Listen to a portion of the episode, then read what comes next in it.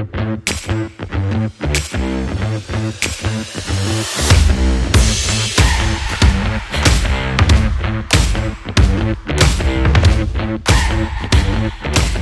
mėlyjeji. Turime šiandien dar vieną Brave Talks laidą ir dar vieną be galo drąsų svečią. E, šiandien pas mus svečiuojasi ir kalbėsime su Gediminu Kvietkausku, kuris yra drąsiai galiu sakyti, netradicinis ir nestandartinis didelio verslo savininkas, Įstvest Agro įmonės vadovas, bendrai kuriejas. Bet dėl ko Gediminas yra šiandien čia, tai todėl, kad jis užsiema ekstremaliomis pramogomis, kokiamis turbūt papasakos galbūt pats daugiau, um, edukuoja jaunimą, pasisako apie politiką drąsiai, kūrė eilės, uh, daro kūrybinius kažkokius tai savo video ir nebijo viso to pasakyti, nebijo kalbėti apie nesėkmės ir na, visus kitus dalykus. Tai labas Gedivinai, ačiū labai, labas, kad atėjai su mumis pasikalbėti. Kai uh, kalbėjom telefonu apie šitą pokalbį, sakei, kad labiausiai norisi kalbėti šiuo metu tau apie nesėkmės, apie kažkokius tai kvailus uh, sprendimus. Tai pasikalbam tada. Pasikalbam, gal žodis nesėkmė, gal netikslų žodis, nes kai jinai vyksta, jinai atrodo nesėkmė. Taip. Bet e, kai praeina kažkiek laiko, tai atrodo be galo didelė sėkmė ir didelė patirtis. Ir aš linkęs vadinti tai labiau klaidom, fataliniam klaidom, ne. kurios kyla iš nepatyrimo ir kuo, kuo ilgiau gyvenu, čia man atrodo, Einšteinas yra pasakęs, e, kuo daugiau žinau, tuo, suprantu, nieko, tuo, tuo labiau suprantu, kad nieko nežinau. Tai šitas dalykas man nėra kažkoks dirbtinis, man jis natūralus. Stengiuosi būti, e, nebūti pernelik protingu. Ta prasme, tu turi patirtį, tu turi ten savo jau kažkokį tai mm, klaidų bagažą ir taip toliau, bet jį vertindamas aš visą laiką žiūriu per tą prizmę, kad e, tos klaidos ir dėl ko jos kilo, jos dažniausiai kilo iš nepatirties, buvo didžiausias privalumas mūsų versle, kuris leido išaukti ir užauginti įmonę. Tai dėl ko aš tą temą pasiūliau kalbėti, už tai, kad šiuo metu kaip tik aktyviai na, e, dirbu ir su studentais, turiu paskaitos formatą apie tai, kad e, labiausiai rezonuoja tai tezė tokia, jaunas žmogus yra durnas ir tai yra didžiausia jo stiprybė. Kodėl? Todėl, kad e, tu nežinai pasiekmių ir kiekvienas tavo žingsnis, kurį tu žengi, jis intuityvus. Ir e, patirtis kartais neleidžia padaryti teisingų sprendimų. Už tai, kad vėl šnekant apie save. E, prieš kelis metus sakiau savo, kad jeigu dabar žinočiau tiek, kiek žinau dabar ir būčiau 26 metų, kai pradėjom verslą, tai turbūt būčiau to verslo nepradėjęs. Nes ta prasme, patirtis būtų neleidę padaryti tų lemtingų sprendimų, kuriuos mes padarėm ir kurie buvo iš tikrųjų tie fataliniai, kurie įmonė išnešė, stipriai išnešė. Tai, Gediminai, labai, labai fainas įžvalgos. Ar galėtum pasidalinti, na, keletą tokių sprendimų, kurie iš jų buvo fatališkiausi ir kurie būtent padėjo atsidurti, na, ten, kur esate šiandien? Pirmas žingsnis Ta prasme, kol jo nežengi, tai tol niekas nevyksta. Tai tas pirmas žingsnis žengėm, idėja buvo maždaug ten prekiausim žemės ūkio sarginiam detalėmis tam Baltarusijai ir Rusijai, bet kaip ir žinojom, kur nusipirkti, bet nežinojom, kur parduoti. Mhm. Bet pirmiausia įsteigėm įmonę ir, nu, ir dabar kažką darom. tai protingas žmogus būtų turėjęs verslo planą. Arba atitinkamus mokslus pabaigęs vadovas būtų turėjęs verslo planą, kaip iš čia ką darys. Nu, mes įsisteigėm įmonę, tapom staiga verslininkais iš paprastų žmonių ir e, pradėjom keliauti po Baltarusiją, po Rusiją, ieškoti kontaktų, žingsnis po žingsnio atsirado ką veikti, užsikūrė judesys. Ir, ir, ir, ir tai, tarkim, pirmoji ta tokia klaida, kurios nepadarys tas, kuris išsilavinęs verslininkas, ne, be verslo plano. Iš tokių ryškesnių, įmonėje augant mes, mm, grįšiu atgal dar. Ir mes niekada, nei aš, nei mano partneris, niekada nieko bendro neturėjom su žemės ūkio, apart to, kad užaugom žemės ūkio universiteto bendruomenėje. Bet nei traktoriaus vairuot mokam, nei kombaino, nieko. Ir e, taip jau susimėtė, kad e, pavyko sudominti didelį kombainų gamintoją. Čia teisybės dėlį reikia įvesti tą žemės ūkį, kad javų kombainas žemės ūkio technikos prekyboje tai yra jau viršūnė. Ta prasme, jau kai tu jau viską moki, gali imti šito dalyko, nes e, čia reikia išskirtinių serviso kompetencijų, serviso įrangos komandos ir taip toliau, nes javų pjūtės metu sugedęs kombainas neša didelius nuostolius klientų ir taip toliau. Ir taip. Tai jūs ėmėtės prieš viską, žinoma. Mums gavosi, kad pirmiausia atsirado kombainas. Atvažiavo kombainas pas mus ir aš jį pirmą kartą matau, jis atvažiavo be ratų ant platformos žemagrindės, dviesi su kolega stovim ir dabar, o mes tai net įrankių neturim. Jį reikia kažkaip nuimti, užmontuotos ratus, kažką daryti, pasiskolinom įrankius, užmontavom ratus dviese pagal instrukciją, nes tikrai nieko nemokam. Tada kitas challenge'as, tai dar tą kombainą reikia įsmilžiniškas, nuvaryti nuo platformos. Na ir pirmą kartą sėdu, aš pasėmiau tą darbą, sėdausi už vairo na, ir nuvažiavau. Pirmą kartą vairuojant kombainą. Ja, ja. Nuvažiavom į parodą tiesiai, buvo daug pašaipų, patyčių. Iš ko? Iš konkurentų. Ta prasme, ką, ką jūs čia atvežė, ta prasme, visigi žino, kad mes nelabai ką mokam ir plus įmonė trijų žmonių tuo metu. Tai čia ta tokia klaidelė, o tada apie tas klaidas, kurios yra rimtos. Bet kuris verslininkas pasakys, kad niekada neparduok savo kontrolinio paketo. 51 procentų akcijų negali paleisti jokiam aplinkybėm, ta prasme, nu, kitaip negalima. Tai po kiek laiko paleidot? tai mes 12 metais e, pardavėm 51 procentą Vistvės agro akcijų, nes norėjom įmonę auginti, kad jinai auktų. E, buvo ta mintis, kad kažkas čia gal nelabai teisingai, bet tuo pačiu metu buvo entuzijazmas įmonę auginti. Ir ką aš atsimenu, tuo metu suvokiau, kad ta įmonė, kokia jinai buvo tuo metu, jinai vėlgi buvo nebe, ne pagal vadovėlį, nes turėjom krūvą tiekėjų technikos, bet nei su vienu iš tiekėjų neturėjom kontrakto. Dirbom garbė žodžių, ta prasme, nu, vyriški susitarimai, gentleman agreementai ir taip toliau. O ne, labai svarbu vyriški. Taip, taip, taip, taip, taip. Ir žodžiu, mes pardavėm tą 51 procentą, bet nepardavėm savo kaip ir tiekėjų. Tai kaip ir likom saugus. Po trijų metų pavyko atsipirkti tą 51 procentą, ten irgi buvo atskira istorija labai stipri. Turėjom perėti naują patirtį, kai reikia ne tik verslui finansuoti pinigų, bet dar reikia pakankamai riebios sumos susigražinti savo akciją savo. Toliau, ten klaidų daug buvo iš eilės. Turim vėl verslą pas save, trūkstam kapitalo, kažką girdėję apie akcijų biržą, Ta prasme, tikrai ne vienas neprekiavom akcijom tuo metu. Gal reikia pabandyti, bankai mums pinigų neduoda tuo metu, gal reikia pabandyti biržai išplatinti akcijas. Na, pabandėm, pavyko.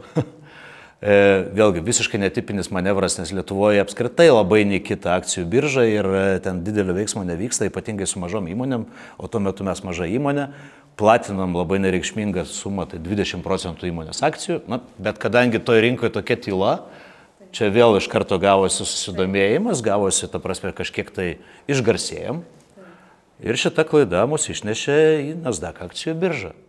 Aš e, interpo padarysiu, prisimenu, na, visai mano veikla nesusijusi su agro, agro verslu, tiesiog nuo tiek, kad bendra verslo aplinka domiuosi, tai pamenu, kad kai pasirodė tos žinutės, kad Įstvest e, Agro pradės mm. platinti savo akcijas, tai tikrai pagalvojau, wow.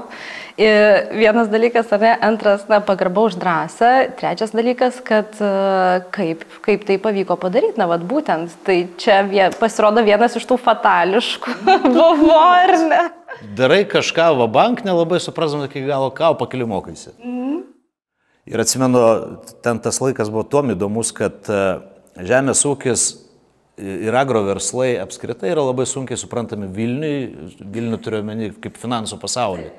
Jiems patinka aiškus dalykai. NT, ten kokia nors ten gamyba, ten viskas labai aišku, prognozuojama taip toliau.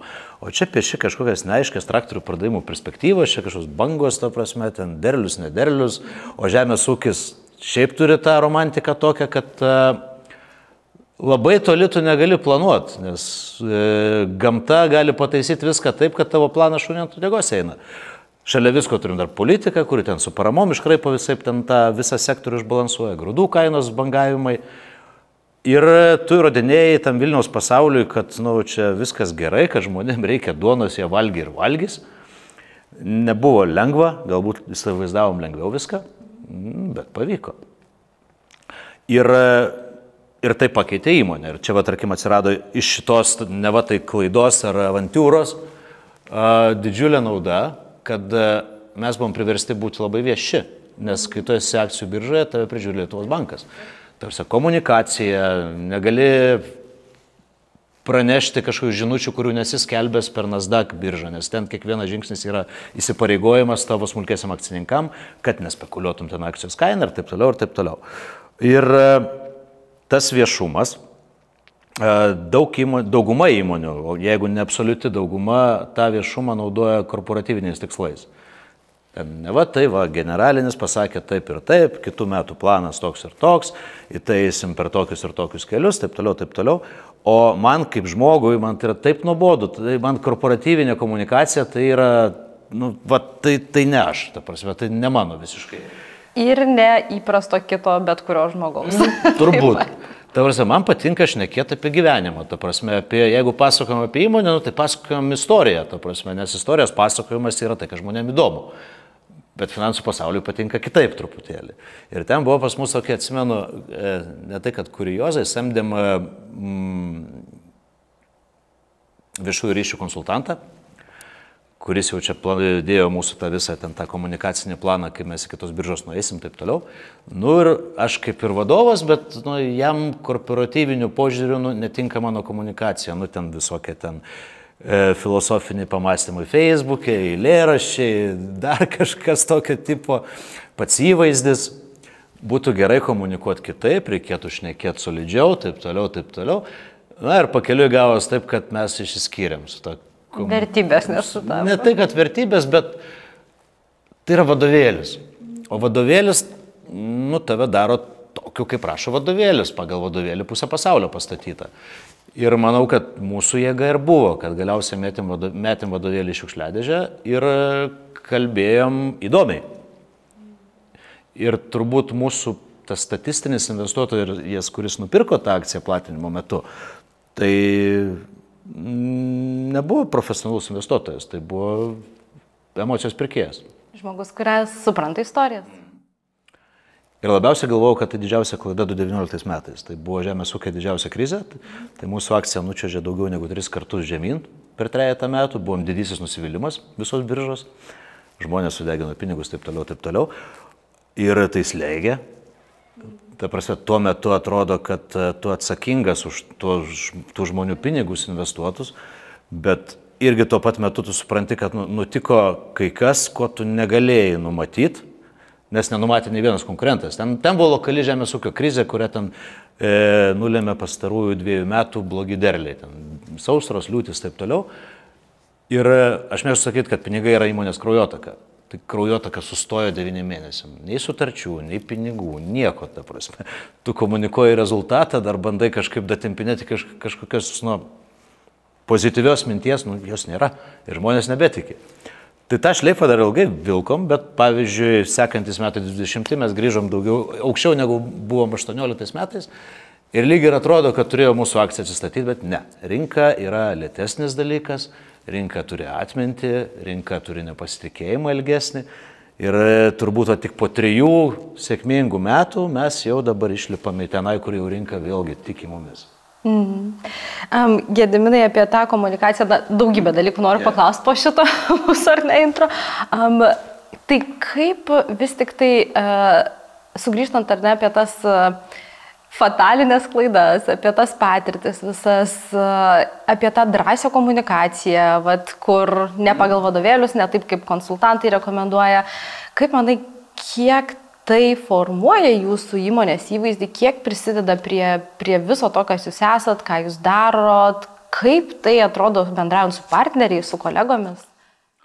Tai kausto dėmesį, tai sukuria išskirtinumą, o e, rinkodara yra toks dalykas, jinai yra visur. Jinai yra aprangoje, jinai yra makijažė galų gale merginos, tai irgi rinkodara. Tarsi aš jau apie gyvenimą plačiau. Kiekviename žingsnėje žmogus save parduoda kažkam. Jis net nežino, kad parduoda, jis parduoda. Jaunuolis e, mergina mergina asistoja, jis save pardavinėja, ten rodo savo geriausias ten, mm, kaip pasakyti, savybės. Tuo pat mergina tuo pačiu metu bando atrodyti jam graži, tai yra pardavimai. Visą laiką, kiekvienam žingsnį yra rinkodara ir pardavimai, tai neatsiejama. Tai kai yra nuobodi rinkodara arba ta standartinė, jinai yra standartinė rinkodara lengvai atpažįstama. Kai rašo žmogus, kuris išgyvena tai, ar rašo žmogus, kuris pasamdytas parašyti, ką išgyvena šitas verslas, yra didžiulis skirtumas ir aš, pavyzdžiui, visada jaučiu didžiulę atmetimo reakciją, jeigu pamatau partnerio turinys straipsnėje. Nu, nu, nu kamo, hebra, ta prasme, nu, nusipirkti savo, papasakoti apie tai, koks fainas, esam tą darę, ta prasme, tikrai esam bet visiškai netinka, nepatinka ir taip toliau ir labai labai erzina. Norisi, kad tu būtum įdomus ir kaip verslas įdomus, nes mes atėjome į žemės ūkio technikos pardavimų pasaulį, būdami ne žemės ūkio žmonės visiškai. Ir rinka jau buvo susiformavusi iki tiek, kad, ta prasme, ten kojos įkelt nėra, kur visur viskas užimta, nes čia brandų biznis, mes pardavinėjom brandus. Bet būtent rinkodara ir komunikacija pradėjom daryti pirmieji. Paskui mus jau jie tik tai bandė daryti tai, ką mes darom, bet jie samdė kažką, kad jiem darytų, o na, aš pagirsiu save šitoje vietoje, nu ne tai, kad pagirsiu, bet aš esu humanitaras, aš esu filologas, man patinka rašyti, knygos, istorija, taip toliau. Ir įmonė galiausiai vis tiek susistapatina su tuo vedliu, ta prasme. Ir žmonės, kurie ateina dirbti tą įmonę, dažniausiai priima tavo filosofiją, nes jeigu tu kitoks korporatyvas, tai buvo ir taip, nu tau tiesiog netinka čia būti, nepatinka, tau reikia griežtos tvarkos, tau reikia, tau teikia malonumą ar net kažkokią tai savivertės pakelimą, kaklaraištis, ta prasme, kad va aš, matai, jau kažką pasiekęs. Ko pas jūs nėra, kaip suprantu. Nėra, nėra, nėra. Ir kuo toliau, tuo mažiau. Ir e, kadangi aš esu savo verslo kuriejas, kartu su savo partneriu ir vėliau jau po e, akcijų išplatinimo ir partneriais mūsų daugiau pasidarė. Man per sudėtinga kalbėti ne savo lūpomis. Dar mes turėjom irgi komunikacijos agentūrą, kuri jau tam pirminiam periode rašė mums netgi ir straipsnius, na, kokius reikia rašyti. Tai truko tikrai pakankamai trumpą laiką, kol nu, aš filologas, aš rašau, Ir, ir aš pats galiu viską parašyti ir galų gale gaunasi taip, kad mintis pateikia pats, kažkas kitas už tave parašo. Ir tada kažkaip vėlniop, nu, tai tada aš pasirašau. Ir pradėjom visiškai kitaip veikti. Tai e, iš tikrųjų aš girdžiu, kad yra žmonių, ypač iš mūsų klientų rato ir iš konkurentų rato ypatingai, kad jie mistifikuoja ir galvoja, kad tarkim mano tekstus arba mano tas kūrybinės idėjas kažkas kūrė čia, komanda kažkokia yra. Nėra, yra komanda, visa įmonė yra komanda, bet ta prasme tai nėra kažkas darantis kūrybinį darbą už mane patį ir, ar už mus. Kuri idėja, jeigu turi laiko pas parašai, aprašai, jeigu neturi laiko arba gali deleguoti kažką, kad va, tu sakai, ką tu dabar padaryk, žinai, nu ten įvykdy kažkokią tai mintį. Tai taip jo, tai būna, bet idėjų generatorius vadovas, yra didžiulis, didžiulis privalumas komper, komper, konkurencijai. ir, na, va, mėlyje, pasišnekėjom apie vadovėlinį tobulo personal branding atvejį. Ne, nesurepetuota kalba visiškai, bet gedivinai, da, tiesiog privalau pagarsinti, kad pritariu kiekvienam žodžiui, nes uh, norim istorijų, norim žmonių, norim pažinti, kuo geriau pažįstam, tuo labiau pasimatuojam ir sutampa vertybės ir tada atsiranda tas abipusis ryšys. Um, Tada kitas klausimas iš to išplaukiantis, o kaip yra, na, su tavat drąsa eiti dar toliau, na, va, tarkim, eilės, tai yra um, tos gilesnės savęs dalies atskleidimas, na toks tarsi ar ne, savo kūrybos iškelimas, parodimas drąsiai, arba kažkokie pasisakymai apie politiką, arba kažkokio asmenio gyvenimo pasidalinimai. Tai yra turbūt top 3 dalykai, kurių labiausiai bijo vadovai, kiek man tenka susidurti. O va štai atėjusi tavo socialinius tinklus, ten gali pamatyti jo, viską. Ir tada aš išskirčiau vis tiek du tipus vadovų. Vieni yra samdomi. Ir samdomas vadovas turi baimę ne tik, ką žmonės pasakys, ką akcininkai pasakys ir kaip reaguos. Ir ta laisvė yra gera turėti, kad tu nu, neturi žmogaus, kuris gali tau pasakyti, nu, tu čia negerai pakalbėjai, mano manimu, taip kalbėti negalima, būkim pilki neutralūs, nebe, ne, nebekomentuokim. O čia tai irgi turbūt yra asmeninės savybės. Na, man, man patinka būti atviram. Man patinka kalbėti, ta prasme, nu, nelaikant nieko užantį, aišku, čia nešnekant apie ten kokį žaidžiantį turinį, ta prasme, tai jau ne, bet uh, eilės. Tai eilės jos jau senai pas mane yra, jos kartais suaktyvėja, kartais sumažėja, va dabar sumažėja šiuo metu. Tai kurį laiką aš tas eilės lėpiau, nes tai, na, ne va tai nebaisiai ir vyriška, ar ne? Tai yra taip kažkaip jautru, čia gal nereikėtų. A, po truputėlį, po truputėlį, pabandai vieną kartą parašyti, kitą kartą parašyti, e, jau viešai paviešinti, gauni gerą feedbacką. Aš turėjau susikūręs ir savo eilių puslapį Facebook'e kaip paskirą profilį, bet susikūriau dėl to, kad truputėlį nedrasu buvo su savim susijęt. Galiausiai, na, nori, nenori, tai susisieja. O kas žmonėm įdomu? Žmonėm įdomu veidai. Veidai turi spalvų, jie turi ir gerų spalvų, ir blogų spalvų, bet jie turi būti gyvi žmonės, tikri žmonės. Ir kuo toliau mastau apie komunikaciją, aš jau galvoju, kad aš gerai tenai darau daug dalykų, daug dalykų natūraliai gerai gaunasi, tai nuogumas yra e, žiniasklaidos pritraukimo priemonė, visų pirma. Ta prasme, žmonėm įdomu. Ir aš šitoje vietoje, tarp kitos, su žiniasklaida žiauriai kariauju. Ta prasme, žemės ūkis yra antiek paraštėse žiniasklaidoje ir visi šitie verslai, kad žemės ūkiai yra tokie neįdomus, kad, pavyzdžiui, rašo straipsnį apie bet kurią iš mūsų įmonių, bet iliustracija yra koks nors kombainas arba grūdų sauja.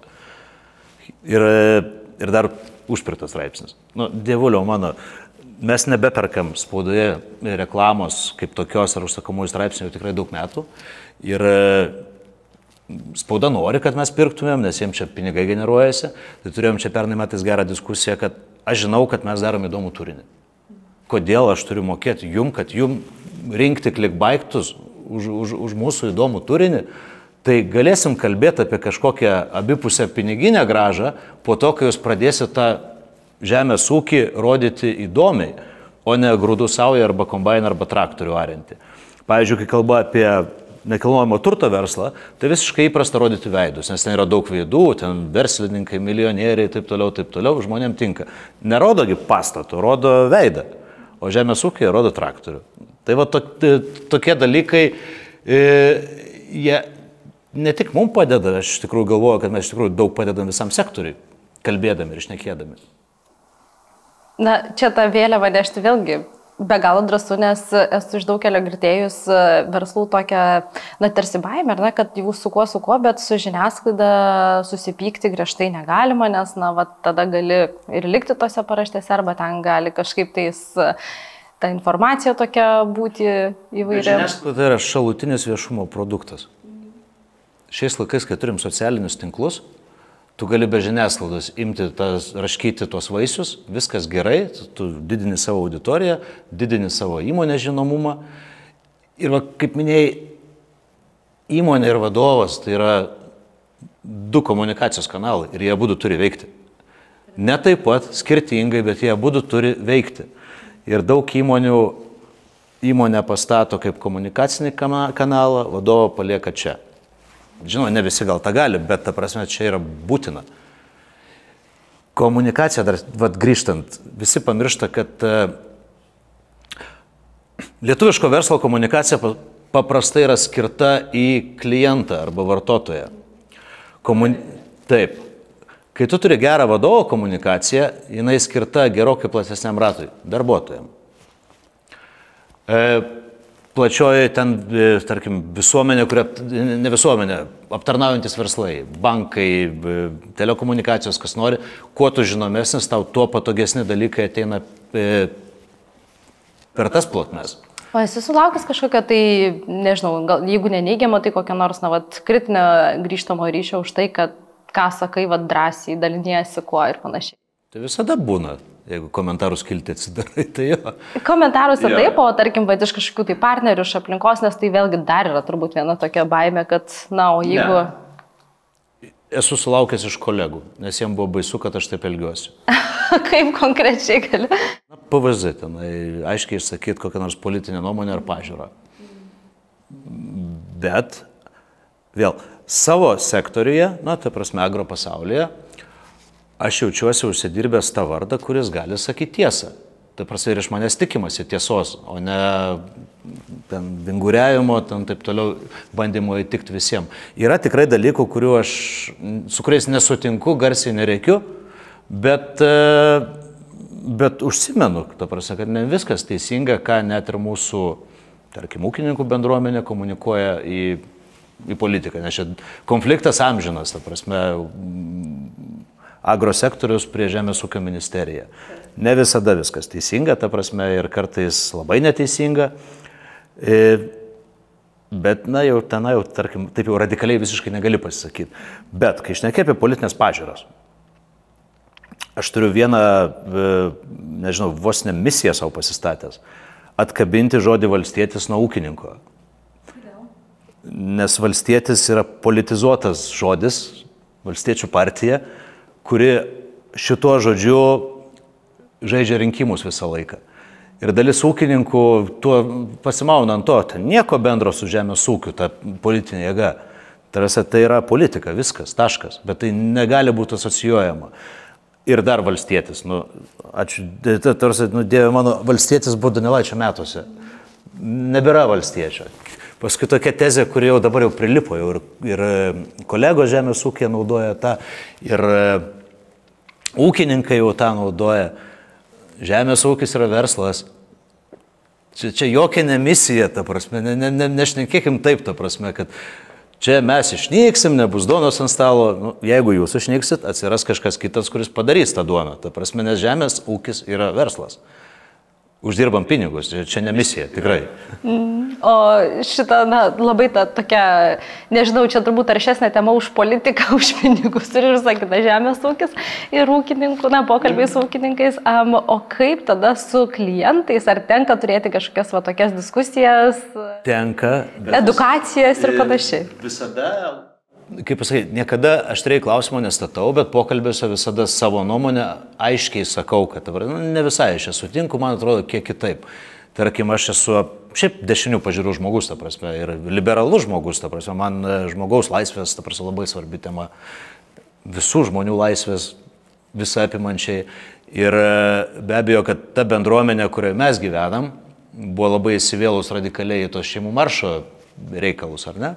Tai aš negaliu slėpti, kad, ta prasme, šeimų maršas man nepatinka konceptualiai, ta prasme, čia yra blogai. Ta prasme, tai yra destrukcinis dalykas visiškai. Tai šitų dalykų kaip ir, na, pavyko neslėpti. Mano Facebook'e tai prasivalė draugų ir klientų, kai kurių prasivalė. Ta prasme, bet, bet būtų labiau neteisinga apsimesti, kad aš to pasaulio dalis. Ne, aš ne to pasaulio dalis. Aš kitaip matau. Ir šitoje vietoje vėlgi teorija sako, kad tu taip daryti negali. Ta prasme, jeigu tu esi versle, tu turi taikytis prie visų, su visais draugauti. Kaip pavyzdžiui, e, gerbiamas Lubys, amžinatilsi, mėgdavo finansuoti visas politinės partijas po lygiai. Nesvarbu, kokios pažiūrės, bet visas, nes kažkuri kortą vis tiek paės. tai... Jo, jo, jo. Bet šitoje vietoje vat, irgi ką darėm kitaip. Mano pirmtakai, tavarsi, e, konkurentai, kurie gerokai vyresnio amžiaus, tavarsi, jie ateina iš posovietinės tos privatizacijos bangos, jų verslas visada buvo priklausomas nuo politikos ir jie visada stengiasi politikoje tą verslą ir daryti, ta prasme, įtakoti sprendimus, draugauti su ministerijom, taip toliau, taip toliau. Neturiu jokio kontakto, išstojęs iš visų asociacijų, esam visiškai vienišas vilkas, darom taip, kaip mums atrodo, kad reikia daryti. Jeigu mes savo verslą pastatysime tai, kad mes priklausome dar nuo politikos kaip verslas, užtenka, kad mums gamta įtakoja ten paramos taip toliau, na, man tai yra neteisinga, nemalonu visų pirma, nes verslas su politika yra neskanu, visada neskanu.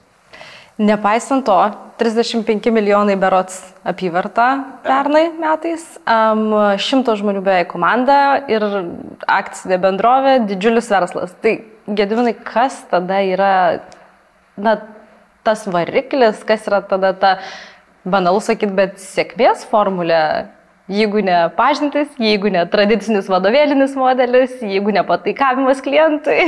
Santykiai. Pataikavimas irgi santykis, bet tarkim nelabai geras santykis. Jeigu tu nueisi pataikavimo keliu, tai anksčiau vėliau tu vis tiek esi silpnoji pusė. Nes tas, kuriam tu pataikauji, jis yra stiprioji pusė visada. Pažįstu kiekvieną savo žmogų. Ir ne šiaip, kad pažįstu, man nuoširdžiai įdomu, kaip jisai gyvena, tikrai yra noras, kad jisai ir tobulėtų, ir e, jo gerbuvis gerėtų ir taip toliau. Ir tai žmonėms žaidžia iš tikrųjų, jeigu tai nėra dirbtina. Jeigu tai yra dirbtina, o dirbtina yra ičaras. Ičarui nuoširdžiai neįdomu. Jis turi KPI'sus, kuriuos turi perduoti vadovui.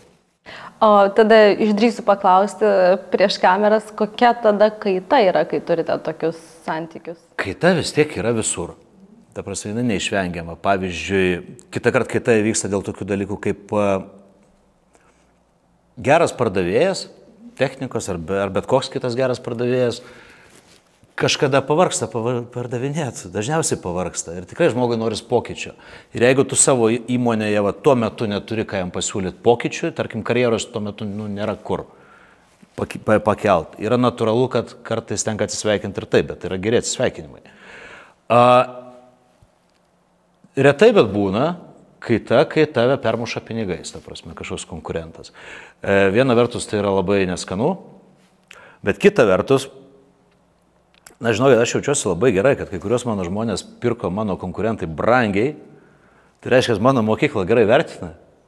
Ta prasme, reiškia, yra už ką mokėti, nes aš tiek nebūčiau mokėjęs, man per daug. ir, ir, ir, ir ta kaita yra, jinai, sakyčiau, gerokai mažesnė negu konkurenciniai rinkoje. Įmonės brandolys, tie, kas, kas formuoja įmonę, kas, kas, kas, kas iš tiesų ją libdo, Nes e, ne vadovas stato įmonės, įmonė stato žmonės, ta prasme, jeigu yra bendras tikslas, yra bendra vizija, man labai padėjo, man nebereikia dažnai rūpintis, ką ten tas žmogus padarys, nes aš žinau, kad jis padarys gerai, jis jau mūsų sistemoje viskas. Tai, e, tai pas mūsų konkurencija gerai. E, su rotacija žmonių gerai. O dar prieš e, filmavimą paplėpėjom, kad e, ir kitų dalykų nedarot savo įmonė arba darot kitaip. Pavyzdžiui, užsiminiai, kad nesamdot konsultantų ir nemėgstat patarimų ir patarėjų. Mm. Ar gali čia papasakoti šitą sprendimą, kaip na va? Šių laikų visuomenės lyga - coachingas. Aš žodžio nekenčiu garbė žodės. Aš tikiu, kad yra gerų coacherių, aš tikiu, kad yra žmonių, kurie gali duoti naudą. Bet coachingas Lietuvoje o gal ir ne tik Lietuvoje, nuvalkiotas iki tokios banalybės, kur kiekvienas žmogus, nu jau nieko nemoku, tai numokyti. Pasiskaičiau vadovėlių, klišinių tekstų kelis ir varau mokyti. Nu tai yra blogai. E, visų pirma, dėl kaip reiškinio tokio. Ką daro patarėjas? Apskritai gyvenime, kas yra patarėjas? Aš labai nemėgstu patarimų gyvenime. Ir ne tai, kad aš niekada jų neprašau, Tarsi aš galiu pakalbėti su kažkuo apie savo situaciją, bet aš neprašau patarimo. Na, dažniausiai su patarimais tas yra, kad jie ateina neprašyti. jo. Ir mane patarimas iš karto alergizuoja, iš karto atmeta, nu, nu, tu negyvenai mano gyvenimo ir tu negyvenai mano situacijos. Net e, trumpam periode tu jos net neįsivaizduoji. Nu, kodėl tu dabar drįsi man patart, ką nors? Nu, man nereikia, ačiū. Bet e, coachingas ten yra nuvažiavo, jie nuvažiavo kažkokius patarėjus visokius ten įvairiais klausimais. O kas link personalo mokymų, ypatingai kai šnekam apie pardavimus, rinkodara tarp kitko irgi, e, pardavimai ypatingai turi vieną bėdą. Pardavimas yra žmonės, tam, kurie turi tam tikrų gabumų, bet kas negali pardavinėti. Bet tie jų gabumai vis dar labai skirtingi, nes žmonės skirtingi. O pardavimų mokymai Tegul oponuoja ir sako, kad yra ne taip, kas nori, bet aš žinau, kad yra taip. Kadangi tu šneki su žmonių grupė, tu esi standartizavęs algoritmą, ką jiem papasakot. Ten kaip bendrauti su klientu, kaip čia būti kultūringu, ten neišsišokt, kaip ten atpažinti veido fenotipą, atpažinti sangviniką, flegmatiką, taip toliau, kaip su kuriuo šnekėt. Ir tai sudėlioja veiksmų planą į dėžutę. Ir žmogus pradėjęs dirbti, ta prasme, ypatingai jeigu tai yra jaunas, nepatyręs pardavėjas, jis pradeda nuo dėžutės, jis to dėžutį paskesta ir užgesta. Gal ir gali algoritmus taikyti, pavyzdžiui, prekėje, kuri visada prasideda taip pat, pavyzdžiui, ten, nežinau, Avon kosmetika, lūpdažis kažko, nu, nežinau, kaip pavyzdys. Gal ir tie patys principai, bet dažniausiai tai yra daug skirtingų žmonių, ypatingai, kai mes pardavinėjom brangius daiktus, ta prasme, nu jie ne tai, kad brangus, jie ten ir 100 tūkstančių kainuoja, ir 600 tūkstančių būna. čia yra santykiai ir e, žmogaus ir, ir kliento pajautimas yra pagrindiniai dalykai, ką reikia mokėti. Ir aš turiu pardavėjų ir dabar, ir praeitį yra buvę, tarkim, labai silpnų techniškai. Nors atrodo, pardavinėja sudėtingą technologiją, bet labai silpnas techniškai. Aš irgi silpnas techniškai. Nors, va, žemės ūkio technikos įmonė. Nu, palauk, ratusgi sumontavai pirmam. tai va tiek, tiek, tiek ir žinių. Bet, e, bet jis buvo beproto geras pardavėjas. Nebuvo ir yra. Užtenka kažkokių bazinių žinių, jeigu tu turi gerą empatiją. Su gera empatija tu užsimėgsi santykius, per tos santykius eis pardavimai, jo labiau yra back-office stiprus pas mus. Bet turiu žmonių ir tokių, kurie yra beproto geri technikai, beproto geri inžinieriai ir geri pardavėjai. Bet jie pardavinėja ne per santyki, o per technologiją. Tada jie gali giliai lyst. Bet ne visiems žmonėms tas tinka. Kitam reikia santykių. Ir dabar vėl grįžkime į tą mokymą. Iš šiukšliadėžė. Jokie mokymai, ta prasme, mokymai žaloja žmogų, kuriam reikia kūrybos. Kūrybos žmogus, arba jeigu tu skatini žmoguje kūrybą, tu turi jį mesti į vandenį ir jis turi mokintis plaukti. Ir jisai ras savo stilių. Tik tai reikia turėti tolerancijos ribas, kad ta prasme ten nepastatyti jo, kad už trijų mėnesių iš tavęs noriu ten kalną. Duok laiko, jeigu tiki žmogum. Marketingo mokymai. Marketingo irgi nemėgstu, rinkodara, rinkodara labiau man kaip žodis. Reklama iš vis tragedija kaip žodis, ta prasme, čia praeities atgyvena, stendai pakelės, bet e, rinkodara vėlgi yra kūryba. Ir, ir visur iš tikrųjų, kur yra kūryba, ten nereikia mokymų, ten reikia, ta prasme, eksperimentuoti, ten reikia kurti. O verslas yra kūryba. Gediminai, kūryba ir laisvė. Dar du dalykai, apie kuriuos labai noriu paklausti ir kur, na, vat, kad turime jau tokią tą pokalbio kryptį. Um, kūryba tau ir tavo gyvenime panašu yra didelis dalykas, nes, na, kurti eilės e, yra, manau, kad vienas aukščiausių kūrybos, kūrybos tų, tų taškų, kur, na, tu turi turėti kažkokį va, tą kanalą atsiverti, ar ne, gebėti parašyti. Žinoma, yra įvairių kūrybos formų, na, tavo akivaizdu tokia. Uh, kaip tai prasidėjo, kada ir kaip supratai, kad, na, va, aš kursiu, rašysiu? Aš dar mokiausi mokykloje, kai jau pradėjau mėginti rašyti. Ir ta prasme, rašyti ne tai, kad ten, tarkim, ten šabloninių kokiu nors ten komus mokykloje moko, Salomėjos nerės, nu, nu, nu, kaip primityvų, žiauriai, bet ta prasme, čia klasika bus, ne? Arba Maironis dar baisiau. Kažkaip iš kažkokių gal pauliškų depresijų prasidėjo tie kažkokie rašymai, paskui buvo ilga labai pauzė. E, ir, po, ir ta pauzė buvo vėlgi.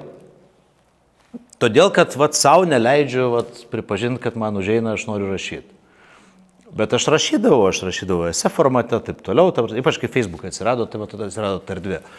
Bet e, būna taip, staiga, žinai, kažkokia mintis užėjo, o painai dar kažkokį ritmą pagavo, susirimavo su kažkuo. Mm, važiuojam. tai jeigu spėjau užsirašyti tą pradžią, tai galiu užsirašyti pasidėti. Jeigu neturiu galimybės dabar, ta prasme, bet e, po to galiu pabaigti. O jeigu jau turiu laiko, tada iš karto ir kepi. Įvairiai būna, bet ta prasme, dirbtinai tas nepasidaro. Bet atsisėdau dabar, nu, rašau, žinai, apie, apie medį. Ar sulauksim knygutės kažkokios? Aš kažkada iš tikrųjų tikiuosi, man dar kažkaip tai kukliai per mažai tų mano eilėraščių, nes aš filologas, man gaunasi taip, kad, na, nu, aš mokiausi lietuvių filologiją tris metus, tarp kitko, kad aš parašau ir tada aš dar iššlifuoju, dailinu, ten dar kitą kartą mėnesį laiko užtrunki, kol va taip, va, jau dabar kablelis vietoje, va, gražu. O ta kūryba, tai ta prasme, visi turi kūrybą, tik jinai labai skirtinga visur. Ir Gal jokingai skamba, bet e, kai aš buvau paauglys, ten jaunuolis, studentas, aš žiauriai norėjau būti gitaristų metalo grupėje. Nu, žiauriai, ta prasme, atrodė tokia svajonė, bet turiu bėdą, aš neturiu klausos, absoliučiai neturiu. Aš nes... Čia mes abu vienodi. Aš negaliu groti, tiesiog man gražu yra rokas, man viskas tvarkoja, nu, bet negaliu. Nu. Uh, ir nesenai pradėjau galvoti, gavau aš tą savo gitarą. Mhm. Tik tai ta gitara yra verslas. Ir e, tai, kaip mes darom tą verslą, bet ir yra rokas, to prasme. Tai ir yra laisvė, tai yra uh, taisyklių nebuvimas. Tu gali daryti riekiančius dalykus, ta prasme, gali užriaumot komunikacijai, pritrauk dėmesį, gali kur gabalus, ta prasme, tie gabalai, tarp kitko, jie, uh, jie virsta ten video filmų kokiu nors, kokiu nors ten uh, rekordo siekimų, dar kažko, ta prasme, bet tai yra drivas, ta prasme, Nu, nedavė man balso, tai nedavė, bet davė gitarą, kitokią. Um, trumpas interpas mūsų žiūrovams. Pasidalinsiu tau leidus gediminai po mūsų video įkelimo tavo sukurtą, surežisuotą ir padarytą video apie įmonės plėtrą. Tai jau, Ai. tai jau kai šitą pamačiau, tai supratau, kad čia kūrybos ir laisvės yra maksimumas. Tas, tas, tas ir man patiko. Ir svarbiausia, tos idėjos yra tokios, jos nėra planuotos. Ekspromptas. Visiškas. Aš atvažiavau į darbą ryte, tai buvo įmonės gimtadienis šiemet. Na, Hebra tortas, viskas toliau, žinai, nu vis tiek, nu ką čia padarom, žinai. Mm, pakuojamės, važiuojam visi dabar, tie, kas ofise. Ir fil, fil, fil, filmuota antro, du, antro dublių be jokio ten scenarijaus. Nieko, tik susodinom žmonės ten, kur kabinetai, bet jie sėdi beveik ten, kur iš tikrųjų turi sėdėti. bet iš tų tokių ekspromptų, pavyzdžiui, e, trys metai atgal beros, va, kaip pasigabinti tą viešumą, kuris kainuoja nieko. Apie tai dar norėsiu pakalbėti apie e, rinkodaros kainą, jeigu galima. Bet kaip padaryti, kainuoja nieko, o sklaida milžiniška. Tai buvo prieš kalėdinis periodas, prieš 3-4 metus gal. Reikia kažką padaryti, nu, kad būtų įdomu, tie žinai, ten tie tokie gerbiami klientai. Ačiū Jums, čia dar vienus metus praleidome kartu, aplauzę, ne? Nu, nuobodu sakau, davai padarom tokį dalyką, pasiemam droną. E, tarp kito, tai buvo mūsų kriziniai metai, kai tarsi sandėlis buvo perkrautas technika, nes mes ne, ne, nieks nebepirko. Tarsi, ir technikos, nu, jezu, 20 gal milijonų eurų sandėlis, ta prasme, ten, ten bėda. Bet e, kadangi jos jau tiek daug turim, turim kiemą didelį, padarom kalėdų eglę iš traktorių. Nu, davai, susėdam, pasibraižėm čia kaip atrodytų, čia vienas viršūnė, čia vis didėjantis traktoriai padaro tas karas, apačioje kombainas kotas, tada įjungiam visų mergalkės šviesas ir iš drono sufilmuojam. Tarp pas mus YouTube šitas irgi yra. Tai mintis iki, nuo minties iki rezultato tai yra 3-4 valandas. E, kaina tai tiek, kiek kainavo ten kūro truputį sudegint, kol sustatėm. Entuzijazmo žmonėm buvo, ta prasme, team buildingas milžiniškas, ta prasme, pakėlėm droną, pafilmavom, paukštį YouTube, ne YouTube, šitą įmetim į BNS. -ą. Visos žinios rodo vakare jau, ta prasme, didžiausia kalėdų eglė ten Lietuvoje. Tik rankelė su grūdais. ten rašo spauda. Tai čia Lietuvoje. O kadangi traktoriai buvo atributas tos kalėdų eglės, tai mes turim brandą Massey Ferguson, tai Massey Ferguson kaip brandas gauna tą mūsų vinietę, jinai su muzika padaryta, graži, faina. Ir tais metais šita vinietė yra Massey Ferguson kalėdinio pasveikinimo e, iliustracija visam pasauliui, ta prasme. Visi, kur laiškais keliauja Dear e, partnerą, ne, tai visur yra mūsų eglė, jinai ten su viskuo tenai žyba tviską. Ir e, iš to dar atsiranda, kad mus parodė dar ir porą Amerikos kanalų. Ta prasme, naudos iš to tiesiogiai jokios. Bet, ta prasme, nu, tu blogbusterį padarai, ta prasme. Na, nauda, turbūt tas žinomumas irgi yra nauda, taip? Žinoma. taip? Žinoma. Ir, ir, ir e, dar iš tokių, pernai, pavyzdžiui, reikia kažką sugalvoti 15 metų jubiliejui. Nu, nu ką? Nu, vėl, nu, nėra, aišku, parašai kažką, žinai, bet davai padarom didžiausią Lietuvoje logotipą. Ir tą logotipą išpjaunam 10 hektarų plotę su mūsų kombainu, tuo pačiu demonstruojam technologiją, nes e, ne operatorius pjauna, o pjauna kombainas, nes mes su kosmosu labai bendraujam, pas mus ten sistemos veikia, ta prasme. Padarom, kaina vėlgi, atveš kombainą, pasivažinėt pusdienis, sumontuoti video taškas. Lietuvos rekordas, vėl visi rašo, vėl smagu. Ir tai yra reklama, tai vėl ne reklama, tai yra rinkodara, kurią tu gali daryti minimaliais resursais, bet kad tu tą pasiektum, prieš tai tu turėjai ištaškyti labai daug pinigų. Ir į kairę, ir į dešinę. Nes pirmi produkto, tu, tu irgi sakysiu, produkto įvedimais rinką dirbusi. Tai mes visą laiką gaudavom produktą, kuris Lietuvoje yra arba prasta pozicija, arba iš vis jo nėra. Ir jį reikdavo įvesti tą rinką. Tai pradžią apgraibom, paskui atsiranda sistemos, kaip tą daryti, paskui žinom, kaip tą daryti, bet kai gavom traktorių atstovavimą 2016 metais, tai tas traktorius buvo aštunta vieta rinkoje. Nu, ta prasme, labai blogai. Apie tai labai blogai. Labai blogai. 4 procentai rinkos. Mes po metų jau buvom trečia vieta rinkoje 10 procentų rinkos, dar po metų buvom antra vieta rinkoje ir jau 17 procentų rinkos. Ir va čia jau laviruojam, kartais pirmin netgi būnam, bet esmė kame, kad, kad įvest Tai pataškėm gerai, buvom paėmę visą Žalgirio areną, visą Žalgirio areną ūkininkams, sukvietėm 3000 ūkininkų, private renginys ir aš turiu įtarimą, kad mes vis dar esam didžiausias private renginys įvykę Žalgirio arenoje. Apačioje važinėjo traktoriai, vadinosi X-Traktor, ta prasme, renginys, sukūrėm logotipą X-Traktor. Tavo idėja, Gediminai. Daryti renginį, jo, jo, jo, bet paskui čia jau turėjom organizatorius, be abejo, kas padėjo. E, ten taškiam pinigus stipriai ir mes jų neturėjom. Ta prasme, tuo metu net nemoki to suprast, pats žinai, kad tu čia taip va bankiai eini, ta prasme, kad taip va bank, nes kaip tik po to ir buvo ta krizė, kai, nu, Jėzau, atrodo, atrodytų, logika jau sako, kad va čia va prisidirbom, tada kai išsitaškėm, blepa, o dabar kaip reikia tų pinigėlių. Ir vis tik ne. Mes tada užkėlėm kartelę taip aukštai ir suformavom savo įvaizdį klientam, kad mes mm, galim tai sauliaisti. Why not, žinai, mes kiti, žinai, turim pinigų. Ir vis tik iš to atėjo ir pasitikėjimas. Tai užkėlė e, pardavimus. Ok, buvo krizė 19 metai, nukritom, bet 20 metais mes tapom pirmi rinkoje. Tai žodžiu, šuolis nuo minus milijono iki plus milijono, ta prasme, per, per, dviejų metų balansą. Ir vis tik va, tie žingsniai, kuriuos padarėm tada labai brangiai, Nes turėjom ir TV laidą, tarp kitko, tra, didžiasis traktorių lenktynės, Tarkus Radzevičius važiavo ten per Lietuvą. Ir tai davė rezultatą gerokai vėliau. Dabar mums nebereikia daryti tokių brangių dalykų. Mums užtenka, kadangi mes matom ir, ir mumis domisi, ta prasme, ūkininkai, net tie, kurie nemėgsta, mūsų vis tiek įdomu, ta prasme, ką jie čia daro. Tai mūsų projektai visai kitaip veikia.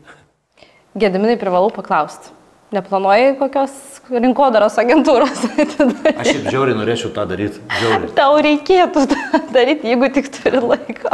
Aš žiauriai tą norėčiau daryti. Nes, žinai, kaip tu sakai, kad e, įgyvendinimas nedaug kainuoja, na, dažnais atvejais, arba dabar jūsų pastaraisiais atvejais, tai galiu tik paantrinti, kad daugiausiai mokam už idėjas.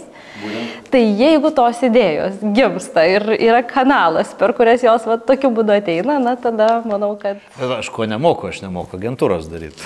Oi, išmokot traktorius pardavinėti agentūrą, čia manau, kad žinok, jeigu ką pasitarsim, bet nu Davai, čia... Pagalvojam. Ne, šiaip žiauriai norėčiau. Tavars, man rinkodara yra, aš visada kritiškai žiūriu ir tai, ką matau visur rinkodara žinau, kas mane natūraliai vimdo, ta prasme, kas, nu, nu, kaip jūs galite šitaip, ta prasme, tai yra baisu.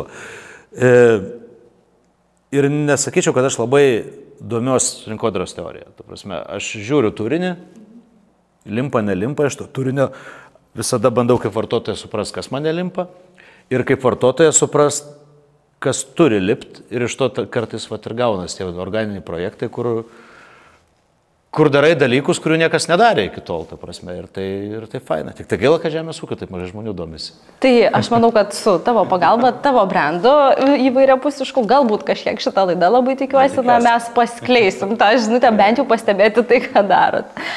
Um, apie laisvę dar. Mm. Kūrybai laisvė būtina. Mm. Panašu, kad visam jūsų veikimui, visai įmoniai, tau kaip žmogui laisvė yra na, tas dalykas, kuris turbūt labai labai labai svarbus. Įtariu, kad nelaisvė arba bandymas ją suvaržyti smauktų iš to, ką girdžiu. Kaip tvarkaisi, kai kažkas bando tai padaryti, kai reikia tai padaryti, arba na, tose situacijose, kai, neišeina būti laisvam?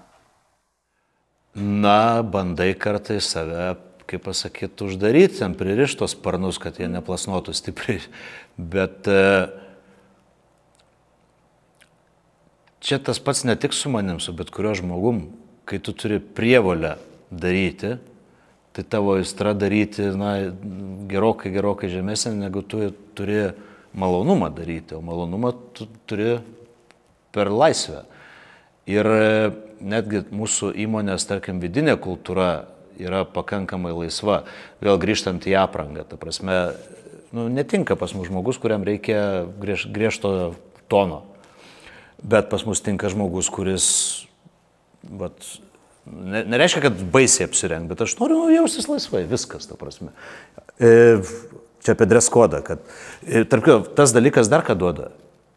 Yra konkurentų arba rinkos dalyvių, kur dreskodas tas griežtas kostiumas, bankinis stilius, mūsų klientas dažnai jaučia įtampą atėjęs bendrauti su tokiu žmogum, nes tada, nu, tu bent... Aš paprastas, o čia jau toks, žinai, kažkoks išsilavinęs dėdės, čia apie finansus šneka kažkokiu, žinai, nu, man baisu, ta prasme. O pas mus jis atsipalaiduoja, jam laisva, ta prasme. Tada e,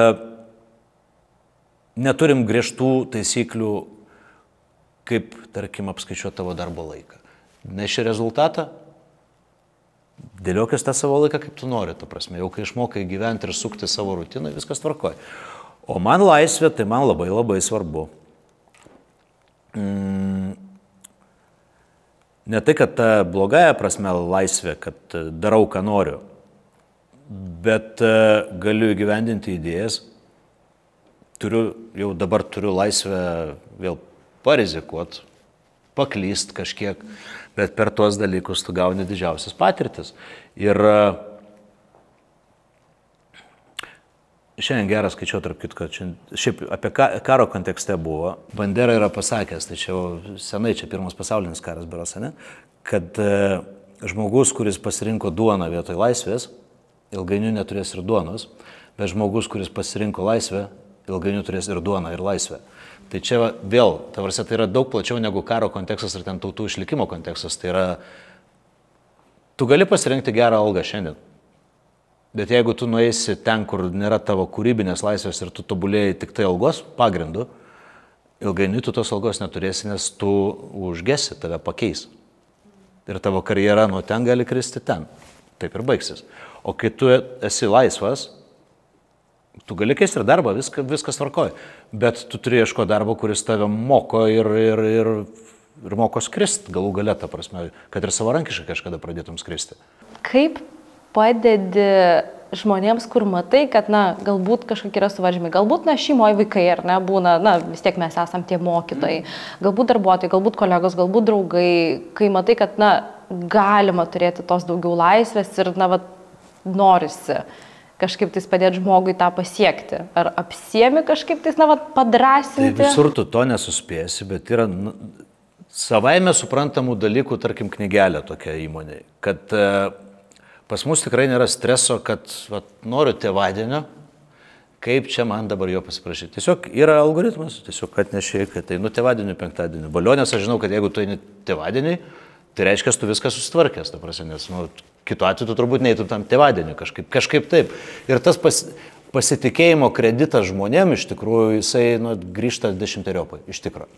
E, vėl įvairių problemų yra, kuriuose įmonėse tai kelia įtampą, pavyzdžiui, ten vėl mm, serga vaikas, žmogus stresuoja, reikia tos laisvos dienos prižiūrėti, ieško ten kuom pakeisti, jezu, varyk, čia, čia svarbiau, ta prasme, ten įmonė nenumirs dėl to, kad tu vieną šiandien nepabuvai. Nu, ten būna gal išskirtinių kažkokiu atveju, bet, bet tarsi va šita dalis, tai aš matau žmonės tą vertina, ta prasme, kad uh, nereikia stresuoti, pasiprašyti susikloščių situacijom kažko. Kita yra net prašyti nereikia, mes suprantam, viskas gerai. Nepergyvent, važiuok, tvarkoj. Pas gydytojus važiuosi, gerai važiuok, ta prasme, viskas gerai. Tai ta, ta, ta, ta laisvė tokia, tokia dviejopa, jinai visas pusės žaidžia. Bet e, tai yra kažkokia įmonės vidinė kultūra. Ir vidinė kultūra, aš vėlgi drįstu pabrėžti, pritraukia žmonės, kuriem tinka ta kultūra. Kitokia čia neišgyvena, neprilimpa ir taip toliau. Pavyzdžiui, mes labai vyriška įmonė. E, dabar tik tai moterų padaugėjo, nes nu, mes sunkus, mes inžinieriai, ta prasme, mes parduodam, remontuojam techniką ir taip toliau. Tai dabar moterų daugiau, bet pavyzdžiui, tos moteris, kurios mm, jautresnės, gali neišgyventi komunikacinėje erdvėje, ta prasme, tai nėra pas mus lengas stiprus.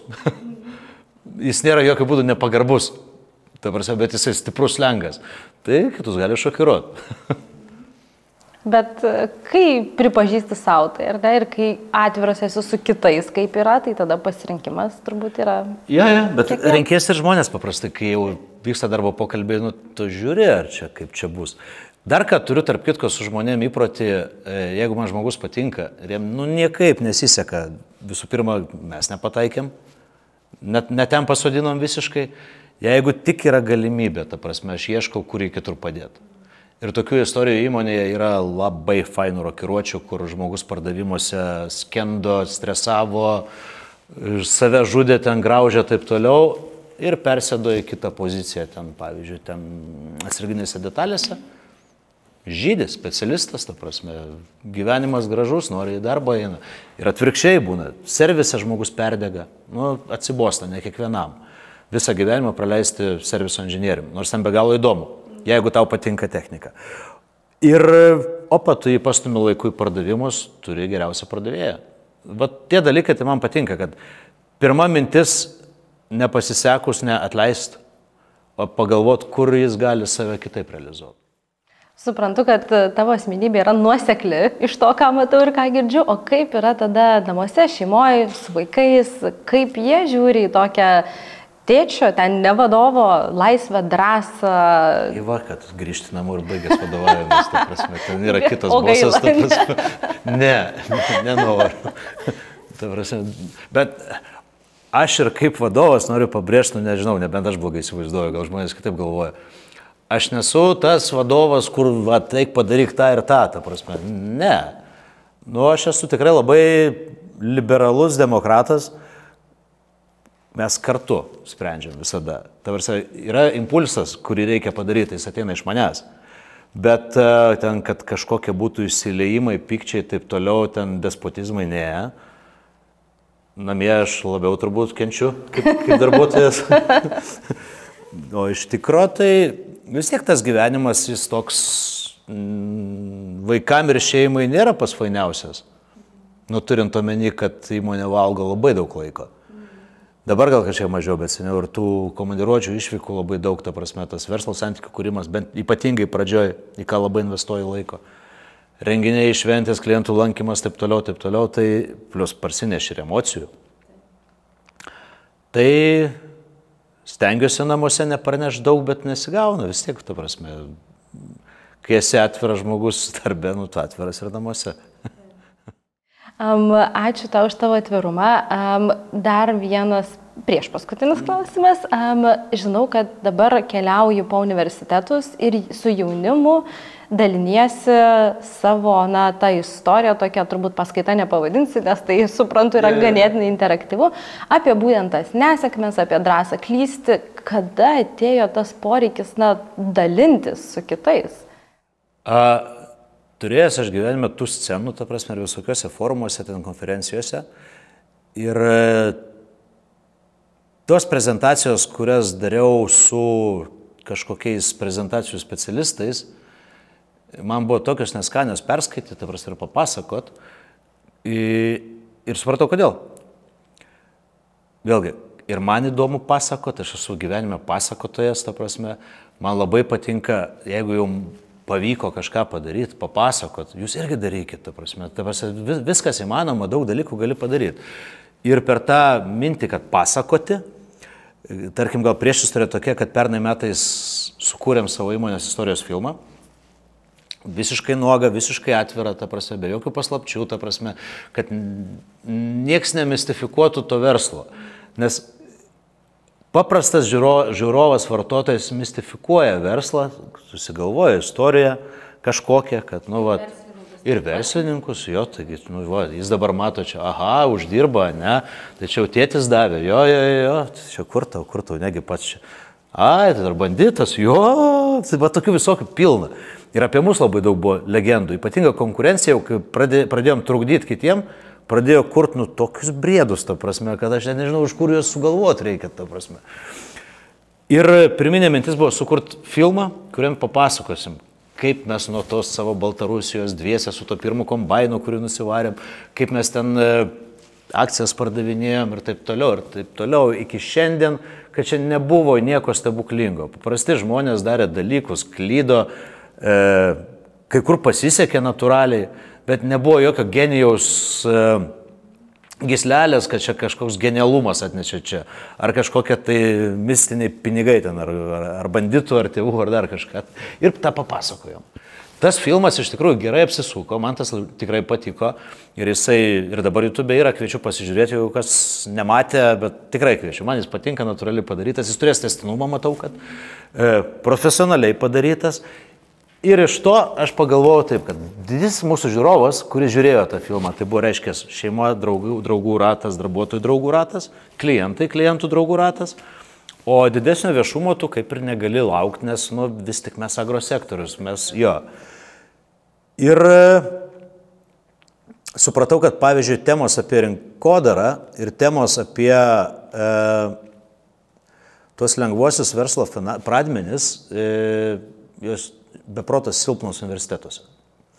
Ir jie trūksta, jiems trūksta gyvų istorijų. Dažnai dėstytojas pasakoja apie ką? Apie analizuojamą business case, nagrinėja ten kažkokią tai įmonę, kaip ten vienai vystės, kodėl vystės, taip toliau, kodėl tą darė, bet jis tame negyvena, jis spėja, kad tai buvo, arba skaitė spaudoje, kad tai buvo. Ir sumetėm iš pradžių tokią draftinę versiją, studentišką, pakalbėjom su beveik su visais universitetais, visiems kaip ir įdomu, Ir užsimesgė kaip ir turas įvairiam kursam, įvairių pakraipų studentam, e, kartais ten e, universiteto konferencijose ištransliuoti tą visą istoriją. Matau, feedbackas žiauriai geras, ta prasme, žmonėm įdomu. E, viena versus tai darai tam, kad papasakoti paprastą žmonių kalbą, kaip atsiranda tie verslai.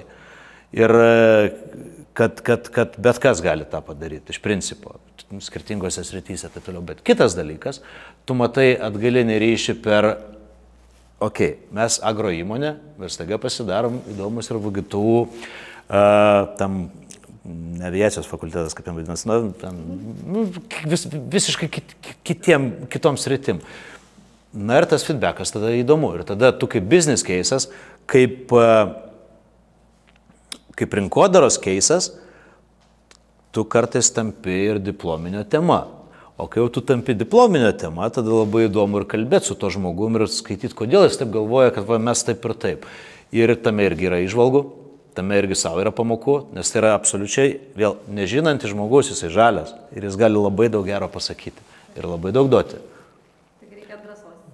Jo, ir va tą temą aš noriu vystyti. Aš dar turiu va, e, universitetinį savo toj programoje, jeigu tik toliau seksis ir būsiu įdomus, uh, sukurti uh, paskaitą apie verslo mitologiją. Nes verslo mitologija yra labai įdomi tema, jinai labai mažai eskaluojama, mažai kažneka, nes verslo mitologija egzistuoja įmonės viduje. Netgi darbuotojai susikūrė to verslo, kuriame dirba mitologiją, jie apipina mitais, ten kentaurais Drakulom ir taip toliau, ten buhalterė Drakula, ten dar kažkas. Va, tai labai įdomu, nes daiktas, kiekviena įmonė yra kaip kokia tai gentis, ta prasme, nes tai yra uždara žmonių grupė. Ir jie, kiti karus kariauja ten su kitom įmonėm, taip toliau. Ten gali žaisti toj temai labai įdomi ir smagiai. Aš labai tikiuosi, kad tu pasidalinsi ir net nebejoju, na, kad kai klausai tikras istorijas, tai neįmanoma nemėgti neįmanoma nenorėt klausyti, ne, nebent stengiasi kažkaip save apsaugoti nuo tiesos. nuo... Arba nuobodžiai kalbėti. Na, taip, čia tas, bet šiuo atveju mes neturim šitą problemos, ar ne? Gediminai visai pabaigai, ką dar drąsaus iš tavęs sulauksim? A, aš nežinau, ar tai drąsu ar nedrasu, tai e, turėjau seną svajonę, tai nesenai ją įgyvendinau. Neišlaikiau dar egzamino, bet jau praktiškai išmokau skraidyti lėktuvu ultralaitų, tai dar norisi pabaigti šitos mokslus. Iš viso to dar gimsta idėjų, kad na, jeigu ten viskas fainai, nu, man ten patinka, man fainai. Aš tarp tamsaus vandens labiau, labiau bijau negu, negu dangaus, man dangui gerai viskas. Tam lėktuvėlių biznėje irgi yra daug, daug perspektyvų, ten įdomu. Va. Tai čia toksai gal per pomėgį labiau, nes aš kol kas neturėjau verslo per pomėgį. Turėjau verslą per aistrą, per tą rinkodarą, o ko dar sulauksim, tai gyvenimas parodės, bet kažka, dar visai nesenai galvojau, kad aš noriu kuo greičiau pensiją. Ta prasme, taip norėčiau pensiją, apkeliauti pasaulį, ten Jėzau, pamatyti, kol dar jaunas, ta prasme, linksmai viską padaryti, ne, ne su lasdute ir pačiute, ta prasme. E, ir turbūt, kad kažkaip pradedu suprasti, kad e, nesigaus toks scenarius gal dėl to, kad nelabai ir gali gautis, nes alkis veikti yra didesnis. E, alkis kurti yra didelis. Ir turbūt, kad nori, nenori, teks plėsti verslą. Geografiškai, į kitas rytis galbūt. Keliauti. Ar vertikaliai į dangų? Arba vertikaliai į dangų. tai ačiū labai, Gediminai. Aš tikiuosi, kad kaip minimum lauksim e, panašu, kad įdomios komunikacijos, gal naujos rinkodaros agentūros, gal kažkokių tai dar įdomių. Na, va, va, tiesiog priminė, rinkodaros agentūros. jo, dar pasiliksim pakalbėti. Įdomių e, istorijų, paskaitų, Ačiū už tokį atvirumą. Um, pranoko turbūt visus lūkesčius. Labai tikiuosi, kad žiūrovams taip pat. Tai, ačiū tau. Ačiū tau.